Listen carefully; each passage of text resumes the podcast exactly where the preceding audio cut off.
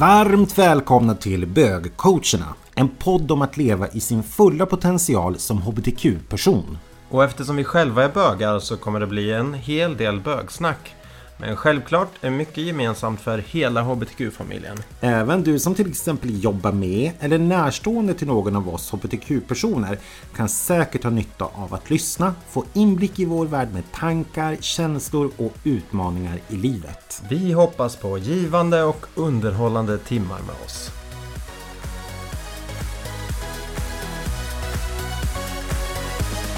I dagens avsnitt av Bögcoacherna så ska vi prata om unika, rika och underbart härliga relationer och hur vi kan stärka oss i dem. Uh, ja, det känns ju underbart och fantastiskt att få prata om det här ämnet som vi båda brinner för väldigt mycket. Mm. Uh, vad, vad tänker du om relationer sådär generellt? livsviktigt skulle jag vilja påstå. Ja, det är ju bland det viktigaste vi har. Och en sak eh, eh, som vi har pratat om innan också, det är ju det här med att man har gjort undersökningar om vad som är viktigt för oss i livet för att bli lyckliga. Och är det någonting som är viktigt för oss i livet så är det just att ha goda relationer och tillräckligt många nära goda relationer och det är det som enskilt är den viktigaste aspekten för att skapa lycka för oss. Så det är väl ett syfte i sig att, att prata om relationer just. Absolut och faktiskt kunna ja, men stärka oss som hbtq-grupp också. Vad kan man göra för att faktiskt stärka sina relationer? Man kanske måste rensa i relations röran som man kan ha till både höger och vänster. Men också kanske förhoppningsvis i slutet av avsnittet ha kommit med lite verktyg och tankar och idéer om man faktiskt känner att man inte har relationer. Att man eh, ja, kanske kan få lite tankar om så här skulle man kunna angripa det för att kunna skapa egna fantastiska relationer och minska ensamheten helt enkelt. Ja, för på ett sätt så kan det ju faktiskt vara så för vissa hbtq-personer att, att det är lite kämpigare kanske att skapa goda relationer och att man också måste söka sig till vissa specifika forum för att hitta människor som eh, där man kan skapa om man specifikt pratar om kanske eh, kärleksrelationer så är det ju verkligen så. Det är mm. ganska svårt för många av oss hbtq-personer att kanske träffa en partner på arbetet eller bland vänners vänner på en middag eller ja, bara ute i vanliga livet utan utan det blir ju ofta att man, man kanske måste söka sig antingen till ja, apparna eh, som vi har, nätet. Eh, eller om man går till ja, gaybarer eller klubbar eller sådär och, och, och letar efter lyckan och sin partner eller, eller så där då. Men thank God för att det finns sociala... Jag tänker jag som kommer från Jokkmokk och bodde ända tills jag var 24 år eller någonting. Då. Det fanns ju ingenting. Mm. Jo, Sylvester började faktiskt komma. Jag satt på ett sånt här modem. Och tyckte ja. det var skitspännande att få tjoffa in på Sylvester och kolla. Ja, gud, det var också precis i, i lindan av när jag kom ut. Och det, ja, det var spännande, minns jag. Ja. Och Sylvester då för de här youngsterna, det var då typ Tank Grinder fast för hundra år sedan. ja, men när var det? Typ, var det på 90-talet? Ja, det var 90-tal. Början av 2000-talet kanske? Eller? Ja, men någonting ja. där i krokarna var det. Ja. Way back. Way back. Och det är det, där tänker jag också, det finns ju den här fantastiska gruppen på Facebook som både jag och du är med i som jag tycker vi faktiskt ska lyfta som ett positivt eh, exempel just när det kommer till det här. Det är ju hela syftet med bögarnas eh, paradis på Facebook. Ja, Bögarnas paradis är alltså en grupp på Facebook som syftar till att minska utanförskap. Men det jag tycker är så nice också det är ju att man har satt ner foten ganska hårt, administratörerna, i att det ska vara en god ton i gruppen. Och allt vad man kan tänka som bög-bitch accepteras ju inte. Ja, precis. Och det är så oerhört skönt. Och jag tror att det är en av de absolut största framgångsfaktorerna faktiskt. Mm. För att, eh, att det, det, är så mycket aktivitet i den här gruppen. Mm. Och att många är så liksom eh, eh, kommenterar och likar och hjälper och stöttar varandra. Så att vi är, är superglada att eh, Bögarnas Paradis finns och vi vill jättegärna lyfta det här. Och då är det den här ju... gruppen eh, eh, som finns på Facebook då. Så gå in och sök på Bögarnas Paradis om du är bög helt enkelt och gå med i den här gruppen. Exakt. Men idag då Andreas, då har vi tagit och vi tänker lite mer att vi ska gå in kanske på vänskapsrelationer och kärleksrelationer. Ja. Men vi ändå fokuserar på oss själva för det är det det hela kärnan handlar om. Vi ska inte göra om oss för att bli bekräftad utav någon annan. Utan Nej men vi ska prata om relationer, hur man skapar goda relationer, hur man kan jobba med sig själv aktivt. Eh, kanske göra lite annorlunda men utan att gå utanför ramen av vad som är mig själv. För det blir aldrig bra om man, man eh, går utanför den ramen. Så att hela tiden tänka att jag är mig själv men jag kanske ändå måste tänka på att vara lite annorlunda, göra lite andra grejer, ta till lite andra metoder etc. För att lyckas med det som jag inte har lyckats med hittills. Exakt, för det kan ju vara så att sitter man och känner sig supernöjd och man tycker att ja, men jag har mitt gäng och jag mår bra och hela den biten. Ja, men då kanske inte just det här avsnittet är det, det rätta. Men sitter man här och, och lyssnar på det här avsnittet och känner att ja, men jag kan känna mig ensam, men jag kan känna mig ha ett utanförskap mellan varven. Det behöver ju inte vara så. Den här riktar är ju vi då som har, jag som har kommit upp lite bit i åldern vet ju också att det har varit olika genom alla tider. Alltså det var ju på ett sätt när man var 20, det var på ett annat sätt när man var 30 och så nu är jag 40, knappt plus. Och jag menar hunnit med att och separera och göra sådana här saker och det blir ju väldigt olika saker som händer. Alltså det blir ju rörelseförändringar i ens relationer som man har, de är ju inte mm. homogena och för mm. alltid. Och det kanske de inte heller alltid ska vara. Nej, och det är också en sån här sak att göra aktiva val och det har vi pratat om tidigare. Eh, oavsett vad det handlar om så, så vi, vi, vill ju vi inspirera till att man gör aktiva val och verkligen försöker påverka sin tillvaro för, för att inte hamna i någon form av stiltje där, där man eh, kanske tycker synd om sig själv och, och lite grann lutar sig tillbaka och, och, går in i någon form av mood där, där man känner sig ledsen och ensam och inte hittar till eh, vare sig vänskap eller, eller, eller eh, kärleksrelationer. Mm.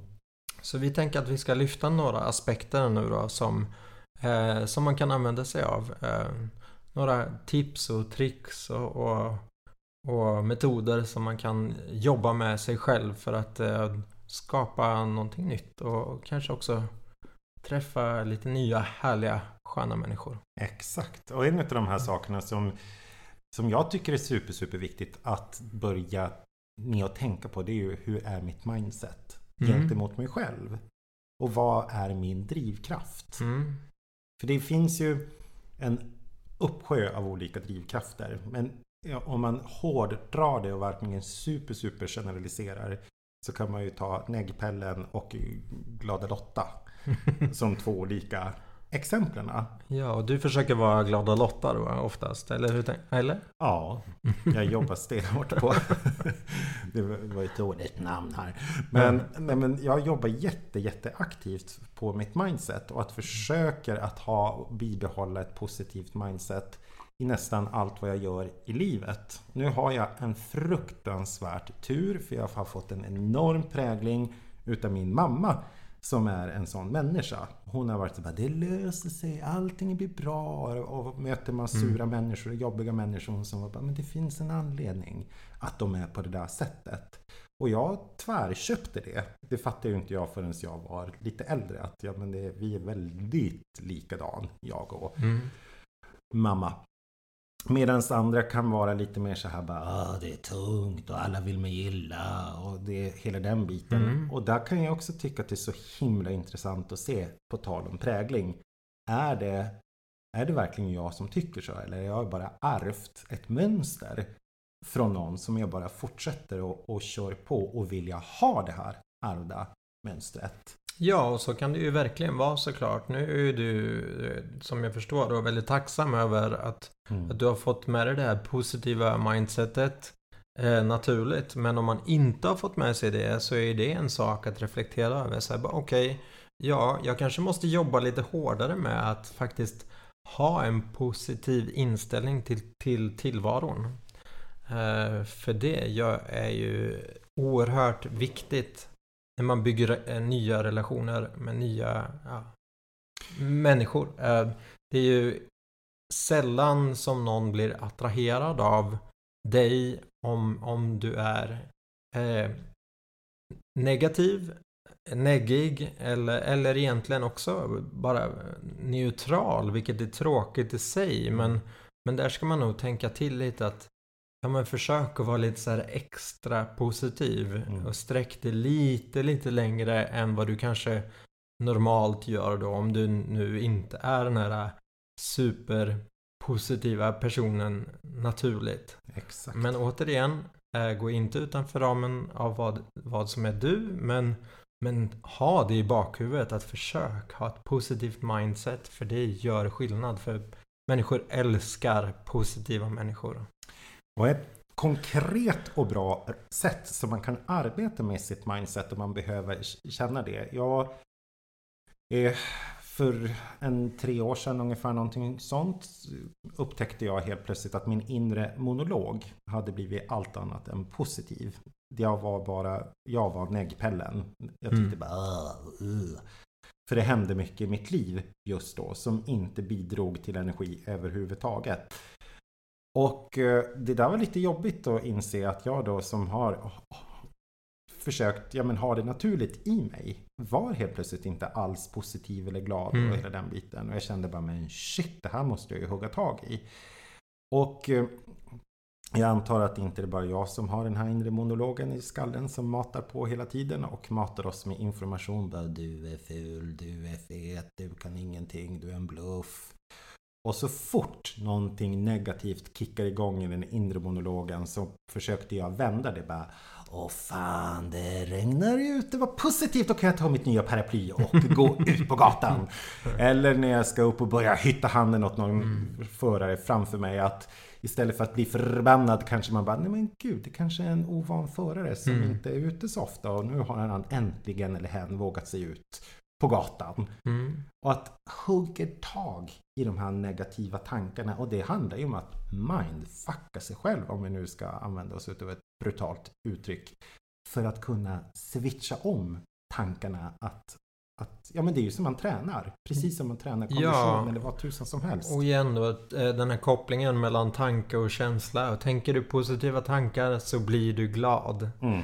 Eh, och så kommer man in i en positiv spiral och så blir det helt plötsligt verkligheten. Mm. Eh, så att den, den ska man inte, inte underskatta. alltså. Så. Jag menar, där tror jag också att man måste ha en gnutta snällhet mot sig själv. Att man inte är så elak. För det är ju oftast det att vi, vi är väldigt, den elakaste människorna som finns det är ju vi Mm. mot oss själva. Ja.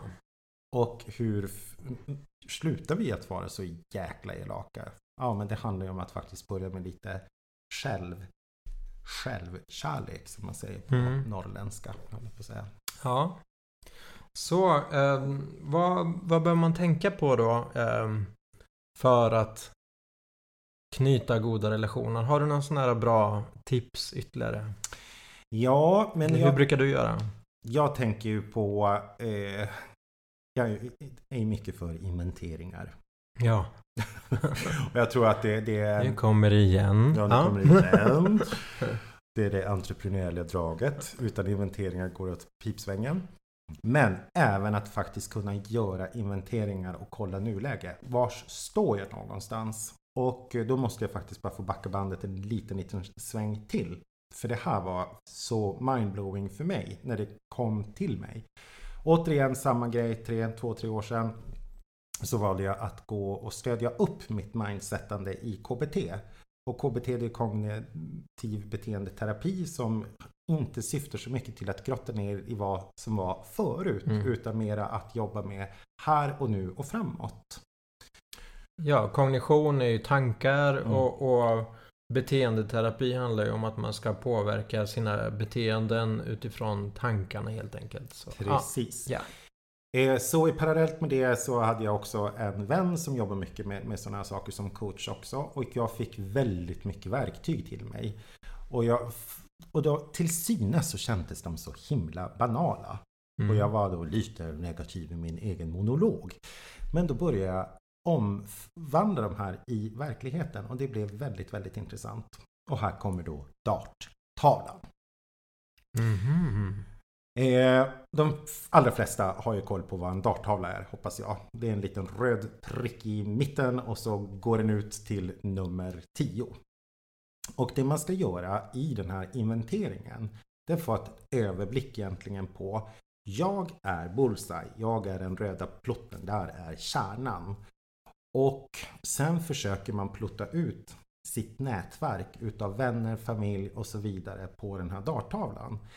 Så säg då att de som är riktigt nära, de kanske är från nummer ett till nummer fyra. Det är mitt pack, det är Mm. de som jag kan berätta, ringa mitt i natten, dela med mig allting om. Medan de då som ligger från fem till sju, det är kanske det med, med partykompisar, man träffas lite nu och då, hej och hå. Och 8 till 10, ja men det är de som vi känner ute i periferin eller det kanske är folk som jag till och med ogillar. Men jag måste ha dem i min närhet för det är gamla faster Agda som jag inte kommer ifrån. Eller jag har separerat och jag har barn Mm. med någon och så vidare. De är fortfarande kvar. Och den här är, blir väldigt, väldigt intressant när man börjar filosofera och tänka utifrån den. För är det då så att man kanske har en ensamhet och man börjar göra en inventering och så känner man ja men jag fattar, jag är bullseye, jag är den här röda plutten. Men det finns ingen som jag kan sätta på punkt 1 till nummer 4. Ja, det kan ju kännas väldigt tråkigt. Men det är ju bra att man har en insikt att okej, nej, jag har ingen som är så pass nära. Då kanske vi aktivt måste arbeta för att förflytta in människor och ta, öppna oss upp för att få in dem i våran inre cirkel. Likväl så kan vi ju ha någon som är på plats nummer två som är en riktig jävla energitjuv. Och jag menar alla utav oss har väl någon gång haft någon sån eller har någon som har en väldigt stor del av ens liv som är inne på de här 1-4 positionen. Och de ska man ju faktiskt inte ha kvar på den positionen. Man behöver inte kasta ut dem ur livet men de, man kanske kan förflytta dem till nummer 10. Ja.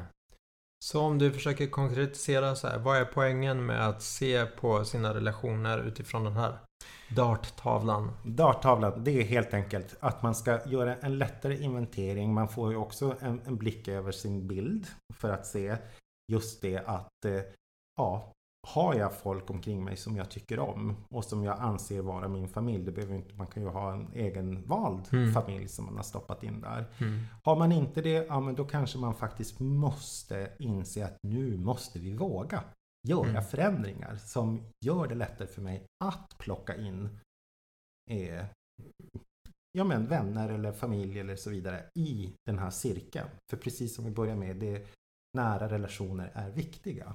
Ja, så en visuell bild som hjälper dig att inventera och i förlängningen skapa någon form av action plan för hur du kan jobba med dina relationer på ett aktivt sätt och göra aktiva val. Alltså om hur du agerar mot, mot eh, människor i din omgivning helt enkelt och de som finns i ditt, i ditt nätverk. Dels det och sen ytterligare en liten aspekt. Jag tror många med mig har känt att man kan ha en, den här ständiga besvikelsen på vissa vänner. För att i min tanke och min darttavla så är jag kanske på plats eh, 3-4 på din darttavla Andreas. Mm. Nu är du ju en väldigt snäll och god vän så du beter dig ju bra. Men vi ponerar att det inte skulle vara så. Att du beter dig, du svarar inte på mina telefonsamtal och du kommer tillbaka med sms tre dagar senare Mm. och du bjuder inte med mig på fester som jag tycker att jag är självskriven på. Och där kan det också vara ganska intressant och en aha eh, känsla att när man kommer på att ja men shit, jag ligger faktiskt kanske på Andreas plats nummer åtta. Jag trodde att jag var på din tvåa. Mm. Så de här ständiga besvikelserna som man får för att man inte blir, blir med Mm. Kan ju också förklaras på ett sådant sätt att man kan få en liten tanke och en överblick på det.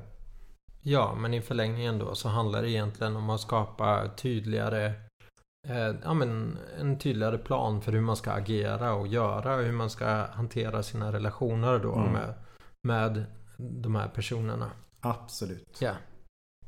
Ja.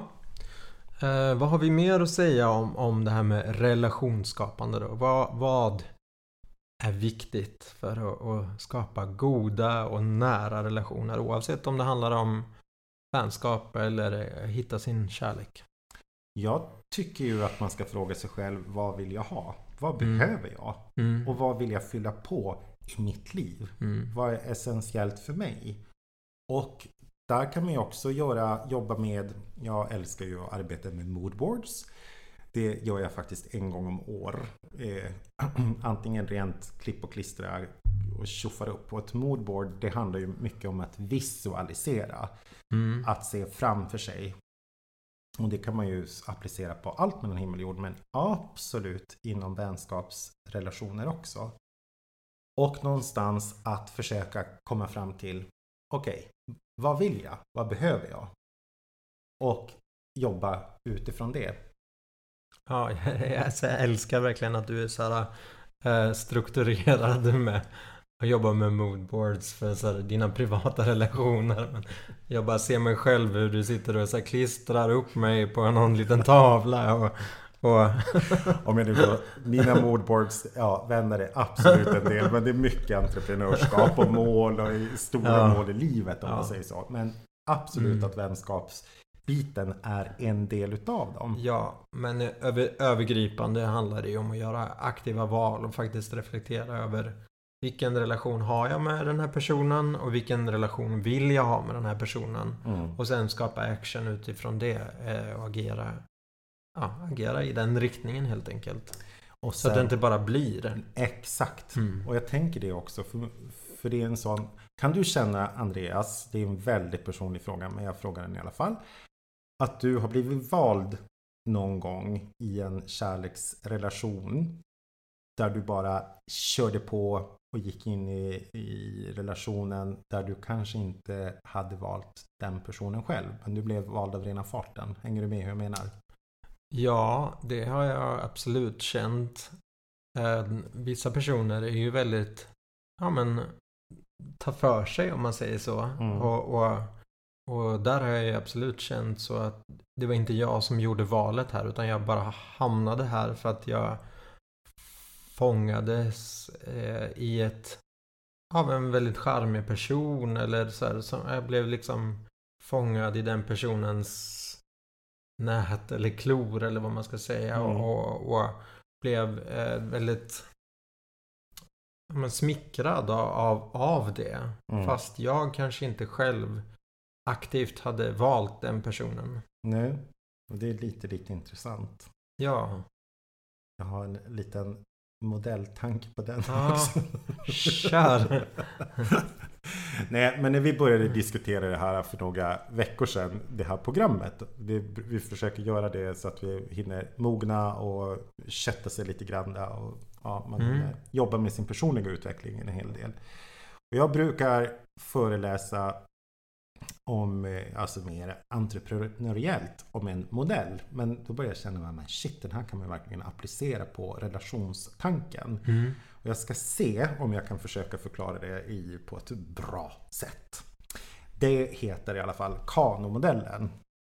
Det var en smart eh, entreprenör, japansk man som har tagit fram det. Och det arbetar vi utifrån att få en större kundnöjdhet i vad tusan som för helst köp som man gör. Att ha en bra efterköpskänsla som kund. Och för att försöka då förklara själva modellen så handlar det lite grann så här att vi alla har ett basbehov. Åker jag till bilverkstaden och ska byta däck då har jag en förväntan att när jag kör därifrån då är mina däck bytta. Ja, och det är ungefär det minsta basbehovet som, som verkstaden behöver uppnå att Mm. jag ska åka därifrån med en kundnöjdhet och en bra efterköpskänsla. Råkas det då vara så att medan jag står där och eh, vad heter det, väntar så sticker han till en latte i min hand och bara Här, varsågod, du får en latte. Det var ju ingenting som jag hade förväntat mig. Jag hade ju bara förväntat mig att jag skulle få däcken bytta. Ja, men då åker jag ifrån där. Men ännu bara wow, shit, jag fick en... Ja, jag kanske inte tänker så, men min känsla blir ju ännu godare. Eh, åker jag därifrån och fick tre däck bytta och ett eh, punkt... Jag fick punktering på en. Ja, jag blir inte jätteglad liksom. Och jag skulle ju aldrig någonsin åka tillbaka dit. De fixade inte ens basbehovet. Och vars vill jag då komma hur man slänger det här på en relationstanke? Min tanke är att vi alla har olika basbehov. Jag menar vi har ju de här, ja men vi måste ha tak över huvudet, ekonomi och hela den biten. Men att man faktiskt vågar ställa sig själv och fråga sig själv vad är det, det minsta som jag behöver i en relation och nu kanske främst i en kärleksrelation Mm. för att jag ska känna en nöjdhet. Och eh, sen får man ju då konkretisera det för sig själv. Ja, men jag är vegan och jag uppskattar inte att folk äter kött av en eller annan anledning och då kanske det faktiskt är viktigt att min partner också är det. Jag tränar otroligt mycket och tycker om min fysik. Då tycker jag att jag kanske inte vill ha en soffsittare. Mm. Och det som blir det positiva i min teori i alla fall, det är ju att man minskar risken för konflikter. Mm. Att man känner att ja men här har vi hittat någon som vi har en vi har de här basbehoven tillsammans. Sen kommer de här positiva add-onen. Han snarkar inte på natten. Tjoho! Okej, så att poängen med den här modellen är helt enkelt att vara lite mer selektiv Mm. eh, på specifika kriterier då. Att man sätter upp att ja, men, inom de här områdena så ska jag inte kompromissa utan det här är det som jag verkligen letar efter. Eh, Mm. det här är det som jag vill ha. Och sen tror jag också att det är ganska viktigt att utanför ramen av basbehovet som du kallar det här då också faktiskt vara öppen för att utmana sig själv. Kanske att, att inte Att det ska vara Ja. diversifierat. för det är ju och- också farligt att hamna i att man ska uppfylla alla de här alla de här önskemålen som man har på sin lista. Att man ska kryssa i varenda liten så här check, check, check, check, check. Men så, precis. för då, då, då blir ju ribban liksom lite för högt satt om man säger så. så. Men ändå ha någon form av, just som du kallar det nu då, basbehov. Mm. Och hålla det där. Men ändå säga, ja men det här är viktigt för mig. eh, För att det hu- överhuvudtaget ska funka. Mm. Ja, Så det, ja men intressant. det Kul att du delar med dig av den och gör referensen till näringslivet och hur ni tänker på jobbet. Johan har ju för övrigt eh, en väldigt stor benägenhet att, att agera privat som man också gör professionellt. Men ja, det är lite roligt tycker jag med dig. Ja. Ja. Ja, mm. så kan det nog faktiskt vara. Ja.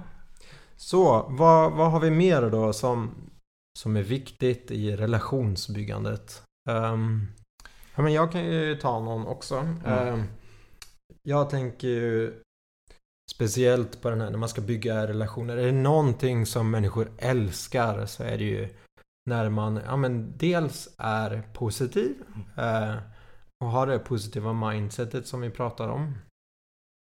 Men också när man är nyfiken på den personen man möter. Mm. Det är så, så himla lätt att hamna i det här att, att man fokuserar på sig själv och kanske speciellt om man är lite nervös och man kanske är på en dejt och man vet inte riktigt vad man ska prata om och så börjar man babbla på om sig själv och prata om sig själv och berättar och berättar och berättar och berättar. Eh, Men försök att tänka att att du ska fokusera på att vara nyfiken på den andra personen. För det är attraktivt om något. Mm. Eh, Bra tips. ja, men den, den eh, ja. Som ni ska få människor att gilla er där ute så ställ frågor. Men, men återigen då, gå inte utanför ramen av vad som är dig själv. Ställ inte frågor som du absolut inte är intresserad av. Mm. Eh, men stretcha dig själv lite grann och ställ de där frågorna. Så, ja, men vad skulle jag kunna tänka mig att vara intresserad av? Av att veta om den här personen som jag träffar här nu då. Mm. Så. Eh, för då kommer du garanterat att få en positiv respons Mm. eh, där. Mycket smart och klokt mm. inspel. Har du något, något fler klokhetsord att dela med dig? Ja, eh, det har jag säkert. Men när vi eh, förberedde den här lilla, det här ämnet, dagens ämne. Så du pratade ju om den här med destinationsgrejen. Kan Mm. ni berätta om den? Ja men jag älskar ju och det, det, det är ju i och för sig lite arbetsrelaterat också. Men jag, jag jobbar ju mycket med destinationer. Mm. Och det, det är någonting som jag tycker är fantastiskt. Jag älskar det, jag går igång på det. Eh, och vad kan vi då prata om ett destinationstänkande? Ja men vi tar det, det lättaste. Vi säger att man går till en Återigen till kanske en salong. Och ser den här salongen som en destination. Och vilken jävla skillnad det blir när man öppnar en dörr och två sekunder senare så har du två ögon som möter med ett leende. Och man blir emottagen. Man bara, men hej Andreas, gud vad roligt att du är här. Vill du ha en kopp kaffe medan du väntar? Du bara, ja tack. Och så sen så är du i någons destination där du blir omhändertagen, du blir omhuldad och sedd. Ända tills du lämnar stället. Och jag brukar tänka att det här med ens inner glow, att se sig själv som en destination som är för dig att växa i, inte för någon annans skull, utan bara för dig som person. Och eh, då kan det vara lätt att tänka och tro eh, att få bort den här eh, maniska, att man måste ha den här kroppen, man måste ha det här utseendet, man måste ha den här looken. Bort med allt sånt jävla skit. Vi är fantastiska i alla former som vi kommer i. Det spelar ingen roll om vi är tjockis som jag eller om man är supervältränad som en annan människa. Och eh, Men mår vi bra i oss själva, då får man ju den här fantastiska feelingen. Och av rena farten så vill fler människor hänga i ens destination när destinationen mår bra. Ja, men jag tycker att det är fantastiskt att just använda sig av den metaforen. Att Mm. tänka på sig själv som en destination och så, så länge som ni interagerar med varandra, om det nu är på en dejt eller på ett mingel eller vad det nu är. Att tänka att så länge som vi interagerar med varandra nu, så länge vi står här och småpratar med varandra så är min, min uppgift och mål att, att vi ska trivas så bra som möjligt här tillsammans. Och Mm. vad behöver jag göra då? Eh, och det blir väldigt tydligt och klart om man tänker på sig själv som just en destination då. Mm. Och en jättebra knep om man tycker att det här låter helt knasigt och superläskigt och otäckt och konstigt och hur fan ska man bli en fabulös destination? Det är ju att eh, gå in i lite rollspel de första gångerna. Mm. Och eh, jag brukar säga två olika saker. Antingen så tar man på sig sina modiga byxor. Och när man har på sig sina modiga byxor då är man en modig person. Och då kan man Mm. göra väldigt många annorlunda saker än vad Johan kanske inte skulle göra vanligtvis.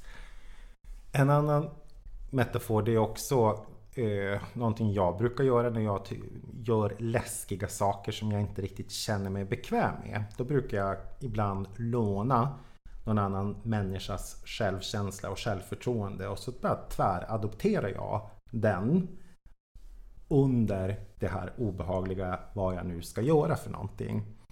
Och det funkar. Det är ju på tal om mindset eh, eller att mind älska sig själv att få till den här lilla biten. Och när man har provat dem en två, tre gånger. Jag har haft på mig mina modiga byxor, jag har lånat din självkänsla och självförtroende. Ja, men då helt plötsligt så kommer jag vara good enough på några gånger själv att känna att det här var inte så läskigt. Och jag besitter förmågan. Ja, men det du berättar om nu, det du beskriver, det kallar vi på professionellt språk för att affirmera. Mm. Affirmationer, det handlar om att tänka sig in i en situation mm. Eh, och att jag är på ett sätt, jag är på ett speciellt sätt. Jag är fantastiskt duktig på att bygga nya relationer. Jag är superduktig på att mingla. Jag är superduktig på att gå på första dejten och mm. vara supertrevlig och social. Liksom, jag är kung på det. Mm. Eh, om, man, om man verkligen ser sig själv i den situationen och säger att jag är en person som är duktig på det här. Det, det är att affirmera affirmationer. Så att ja, ni kan googla affirmationer och läsa på mer om det om ni vill. Mm. Eh, det är också ett sånt här knep som man kan göra. Och mm. återigen, tänker man sig in i den situationen så eh, blir det ofta, ofta också så. Mer eller mindre i alla fall. Närmare det. Mm. Tanke och handling och hela ens mindset. Det, allt hänger ihop liksom så. Men då har vi det lilla kruxet då. Mm. Nu ah, har okay. vi affirmerat och ja. visualiserat och darttavlat mm. oss och vi har eh, eh, kanomodellat oss och kommit fram till vad vi vill ha. Hur går vi till action? Hur får vi någon verklighetsbasering på det här? Ja, eh, man måste ju då göra annorlunda för att, för att ja, skapa någon form av utveckling. Och eh, ja, hur får vi det att hända? Ibland kan det handla om att sänka, sänka trösklarna lite grann. Mm. Och du brukar ju prata om det här med kaffeknepet Johan. Mm. Berätta om den också. Ja men förra gången jag var singel så eh, kände jag så här bara ah, fasiken det är så himla knasigt det här med, med alla appar som finns och det, man bygger, jag hade glömt bort det, man gör ju gärna det. Man har ett kort minne när man har haft en relation och så kommer man ut i verkliga livet eller vad nu som är verkligt eller overkligt. Och ska börja dejta igen. Och det första som hände det var att jag fick en sån här liten eh, social, eh, alltså jag fick en liten crush eh, på om det var Grindr eller vad fasiken då, någon motsvarande app mm. med en kille. Och eh, vi bara, åh gud han är så fantastisk. Och det var, jag hade verkligen starka känslor. Och vi smackade upp och vi gick på dejt och hela alltihop. Vi var verkligen superseriös. Det tog två och en halv sekund in i mötet så såg jag bara, det här är katta fucking strof. Men nu ja. har jag bara skrivit upp mig på här en hel kväll med all in vad vi då skulle göra. Så det var ju bara genomlida och det blev inte bra. Så då styrde jag om det. Att man inte ska hålla på och ja, jag är väldigt positiv till alla de här apparna som man finns där man kan träffa människor på ett enklare sätt. Mm. Men istället för att fastna i cyberspacen så tar man och träffas lite IRL fortare. Och kaffeknepet det går helt enkelt ut på att man är väldigt tydlig. Det här, hörru, vi dejtar inte, men låt oss gå och ta en kaffekopp och så bara snackar vi lite grann då. En kaffekopp det kan gå på fem minuter till en halvtimme eller rest of the life om det nu skulle visa sig vara någon som man vill fortsätta med. Och då, det positiva är ju att man tar bort lite förväntningar. Man behöver inte vara så jäkla uppstyrt. Och blir det då en dejt på det, då blir det ju fasiken pirr i magen. För de har ju mm. redan träffat den här människan och man vet att men shit, han är fin. Jag tycker om han och han verkar tycka om mig också. Mm. Och det här känns det lite extra spännande på. Så att sänka ribban lite grann. Eh, ta en snabb kaffe eller en eh, kort möte. Eh, ses och bara snacka lite grann. Och, och sen att uttala då att, att sen om vi gillar varann, om det finns någon form av gnista och det känns trevligt och bra. Då går vi på vår första dejt efter det. Så att då kanske det blir av lite oftare också. Att Exakt. faktiskt mötas IRL. Att, mm. att inte bara sitta och fastna i, i apparna och snacka där i hundra år och sen bygga upp höga, höga förväntningar och så blir det pannkaka där när man, man träffas och, mm. och har bokat upp middag och, och helkväll. Liksom. Så. Exakt. Ja. Och jag tänker också det en fantastisk actionplan som det funkar lika bra faktiskt på vänskapsbiten. För många gånger så kan jag känna att det är fan så svårt. i vuxen ålder att det skapar nya relationer. Men Mm. att man faktiskt vågar vara lite tuff där också. Bara, du, ska vi inte gå och käka lunch? Ska vi gå och ta en kaffe? Att man faktiskt också hookar upp lite mera vågsamt med människor som man tycker är intressant. Och drar iväg. Jag har fått två av mina bästa tjejkompisar har blivit så att vi bara, men, vi bara, går, vi bara går och käkar lunch. Mm. Och så har vi mött som människor och så har det blivit jättebra relationer ute på det. Och det tycker jag också är så otroligt himla häftigt. Ja, och återigen då att man kanske tänker de här tankarna. Ja, men jag skulle vilja göra så här. Att faktiskt också tänka ut i förväg och bestämma för sig själv att nu ska jag faktiskt göra så här också. Mm. Nu ska jag. Jag gillar ju Sara. Eh, självklart ska jag fråga Sara om inte vi ska gå och ta en kaffe. Fast det kanske känns lite så här. Ja, för vissa lite awkward att Mm. fråga en en person på jobbet eller en kompis kompis eller sådär om en dejt, eh, en kompis dejt eller sådär. Mm. För att det kanske ja, det känns inte helt naturligt men skit det då, gör det bara. Och, och, och var jättenöjd över att du har gjort det efteråt. Oavsett vad det leder till. Liksom. Exakt, för det blir ju varenda möte, det är ju det är en rikedom.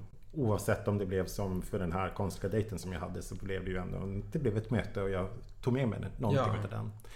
En annan sak som jag tycker är superbra det är faktiskt jag har haft den här resan tror jag två eller tre gånger i mitt liv.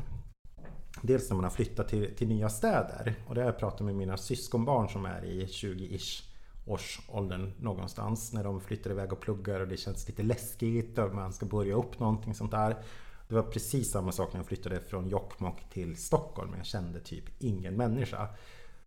Jag bara, åh herregud, hur ska det här gå till? För jag är ganska blyg. Man kanske inte kan tro det, men så är det. Mm. Men då bestämde jag mig för att inte vara blyg. Utan jag bjöd med mig. Och jag försökte vara väldigt, väldigt lyhörd och blev en ja-sägare. Eh, jag tog på mig modiga byxor och eh, ja, men var social som en liten räv. Till och med på sånt som jag inte kanske tyckte att det var speciellt kul. Och det som var positivt med det, det är ju att till slut så plockar man ju chokladpralinerna. Man hittar folk på det sättet. Och när man då har ansträngt sig, för det är ganska ansträngande att vara den här ja-sägande människan Mm. som bara hakar med på allting och försöker vara trevlig och hela den biten. Man kanske vill sitta hemma och sippa på ett glas vin i fredagssoffan istället. Men där bygger man ju faktiskt inte relationer i första hand om det är nu det som är syftet. Utan Mm. då måste man ut och aktivera sig lite grann. Så det, det är ju faktiskt viktigt. Och det, ja, det är samma sak. Många av oss har, har levt i en relation och så helt plötsligt så tar det slut och det blir jordbävning i relationen. Och vems kompisar är vems och hur ska det bli och hej och hå, Mm. hela den biten. Och så måste man börja om ibland helt från scratch där också. Och då blir det ju lite grann samma sak. Ja, Okej, då måste vi skärpa upp oss på nätverkssidan och se till att interagera med människor och, och bjuda på mig själv. Bjuda på sig själv och säga ja. Eh, Mm. kanske även till sådana saker som instinktivt känns lite obekvämt Mm. eller onaturligt för dig och sånt som du kanske inte brukar göra eller Ja, men är out of the av. box om man ska använda sig av ett sl- Ja. slitet uttryck. Alltså. Mm. Ja, och det ena leder till det andra och är det inte fantastiskt just där och då så kanske det ändå leder till något positivt ändå. Mm. Och nya intryck är väl liksom aldrig, aldrig fel. Nej men precis. Ja. Men grundplåten är ju hela den biten att, att bli, bli sin bästa destination för sig själv. Mm. För det är ju och mindsetet. Mm. Sen har man mycket att bygga på. Mm. Ja men verkligen. Sen eh, en sån här annan grej som, eh, som du och jag har snackat om och, och som jag har tänkt på en hel del. Det är ju det här med eh, att det är så lätt att hamna i det här om att man söker den perfekta partnern. Eh, eller att man söker de coola polarna typ. Eller ja, man vill hitta de där ah, varför gillar ingen mig och jag är inte så ball som alla andra. Men så här, släpp fokus på andra och fokusera på dig själv och fokusera på att bli ditt bästa jag. Mm. Istället för att fokusera på att hitta den bästa partnern. Mm. Eller att vara frustrerad över att du inte får den bästa killen eller tjejen eller vad du nu är intresserad av. Mm. För om du lägger fokus där så kommer det ju lösa sig liksom. Och, och, och då kommer självförtroendet stärkas i dig själv eh, när du verkligen är den här ditt bästa jag. Och är det någonting som är attraktivt så är det ju människor som har ett gott, starkt självförtroende och Mm. gillar sig själva och ja, på en rimlig nivå då kanske. Eh, förstås. Eh, men, men ändå. Eh, människor som liksom är starka i sig själva och trygga och gillar sig själva. Det är attraktivt. Mm. Och, och foka på att bli ditt bästa jag så, så löser sig allting. Liksom. Ja men exakt och jag kan tänka mig också en sån sak. Eh, fram till eh, jag var typ 32, 33 någonstans där så var jag den här ständiga singeln. Alltså det var, jag hade, ja. Och då hade jag, jag bodde, kommer aldrig glömma det, på Johannesplan alldeles bredvid Hötorget. På fredagarna så gick jag ner och köpte blommor. Vi gick ner i Hötorgshallen och handlade mat och så gick jag hem och så lagade jag mat och mådde gott i mitt eget sällskap. Mm. Och eh, för sex år sedan ungefär så, så dog min pappa och det var ju såklart ett fruktansvärt traumatiskt ögonblick i livet för vi var väldigt nära men vi var väldigt klara. Alltså vi visste allt om varandra och vi älskade varandra. Så det var ändå fint på det sättet. Men då hade jag och mamma jättemånga fina samtal. För vi pratade just det här om, om ensamhet. Att eh, hon bara, nej men jag är klar. Jag ska inte ha någon annan kär. Varit lyckligt gift i 50 år och det, det är som, that's good enough. Och eh, då sa jag just det att det är väldigt, väldigt viktigt att du försöker tänka på att man att du ska fortsätta med att laga god mat och dricka ett gott glas vin och hela den biten. Inte på en gång såklart, men efter en tids sorgarbete. Och Det kändes som en sån fruktansvärt stor vinst. När man såg när mamma sprutsade iväg till syssan och så köpte hon en sån här, ni vet en liten, liten vin, alltså ett vinglas Mhm. vinflaska. Ja. och göra det mysigt för sig själv. För det är också en sån sak som jag kan tänka att många gånger så lever vi att vi, vi behöver inte pausa våra liv för att vi är singlar. Eller hela den biten. Och att man kan också ha det väldigt rikt och fantastiskt som, eh, som singel. Som själv, ja. Och så tänker jag i alla fall så länge som jag kommer vara singel så kommer jag fortsätta och också treata mig själv med fantastiska ska- saker och skapa ett, ett fint hem för mig ja. att må bra i. Ja. Och att eh, inte pausa livet och bestämma sig för att ja, nej men Livet är ingen roll. bara om vi har en relation Ja. eller om vi har en kärleksrelation Mm. eller någonting sånt där. Precis. Mm, Så det, För det är väldigt lätt att hamna i det att ja, men jag ska göra allt det där när jag träffar en partner. Jag ska skaffa ett fantastiskt hem och jag ska eh, laga god, fantastisk mat tillsammans Mm. med min partner. Och, och, men att, att skapa ett positivt liv för sig själv mm, bara just därför att du ska ha ett bra liv. Men kanske också för att när andra ser att du har ett bra liv som singel så är det attraktivt. mm, Eh, Det, det är ganska tråkigt om man dejtar någon och man ser att den personen har satt sitt liv på hold. Liksom. mm. Eh, Det är inte jätteattraktivt. så. Eh, En liten ja, tanke som man kanske kan ta med sig.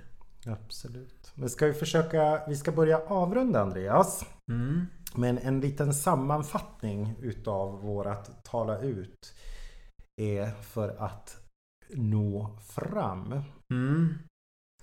Ja, vad har vi snackat om? Vi har ju pratat om det här med att ja, vara nyfiken och ställa frågor och inte fokusera så mycket på sig själv utan Mm. mer på den man träffar och, och ja, ställa frågor helt enkelt. Mindset. Mindset, Att ja. jobba aktivt och att man faktiskt kan träna sitt mindset till att bli positivt. Man kan bli Mm. glada Lotta istället för negge- Pelle. Mm. Ja, ehm, ehm, att se sig själv som en destination pratar vi om. Mm. Så länge vi interagerar med varandra så ska jag försöka se till att vi har så trevligt vi bara kan tillsammans. Mm. Göra annorlunda. Mm. Skapa din bästa destination. Ja, Mm. eh, den är ju grym. Sen pratar vi om kaffeknepet. Att ta en snabb fikadejt. Att sänka ribban och Mm. inte liksom ha så höga förväntningar på den här första första träffen. Utan helt enkelt se till att få det att hända oftare. Att möta nya personer snabbare och inte ha så höga prestationskrav på första de- dejten. Utan sänka ribban lite grann där då.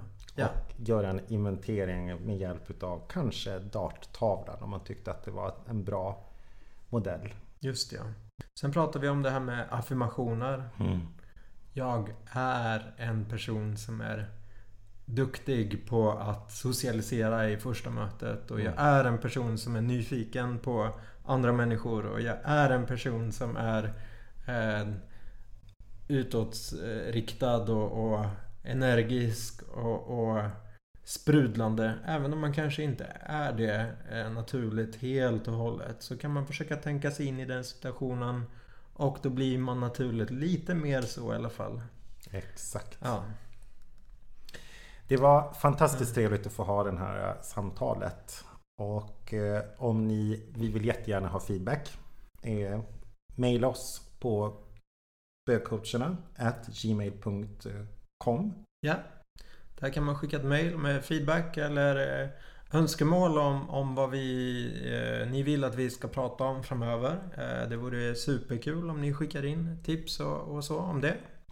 Man kan även eh, haka med och följa med oss på bögcoacherna på Instagram. Ja, Då söker man bara på bögcoacherna och vill man följa dig Andreas på sociala medier kan man göra det. ja. Andreas Nilsson, STHLM, som i Stockholm. Och samma för mig då, inte Andreas utan Instagram, men johan.viklund med W. Ha en fantastiskt fin vecka hörni och eh, ta hand om er. Ta hand om er. Tack för idag. Hej då! Hej då!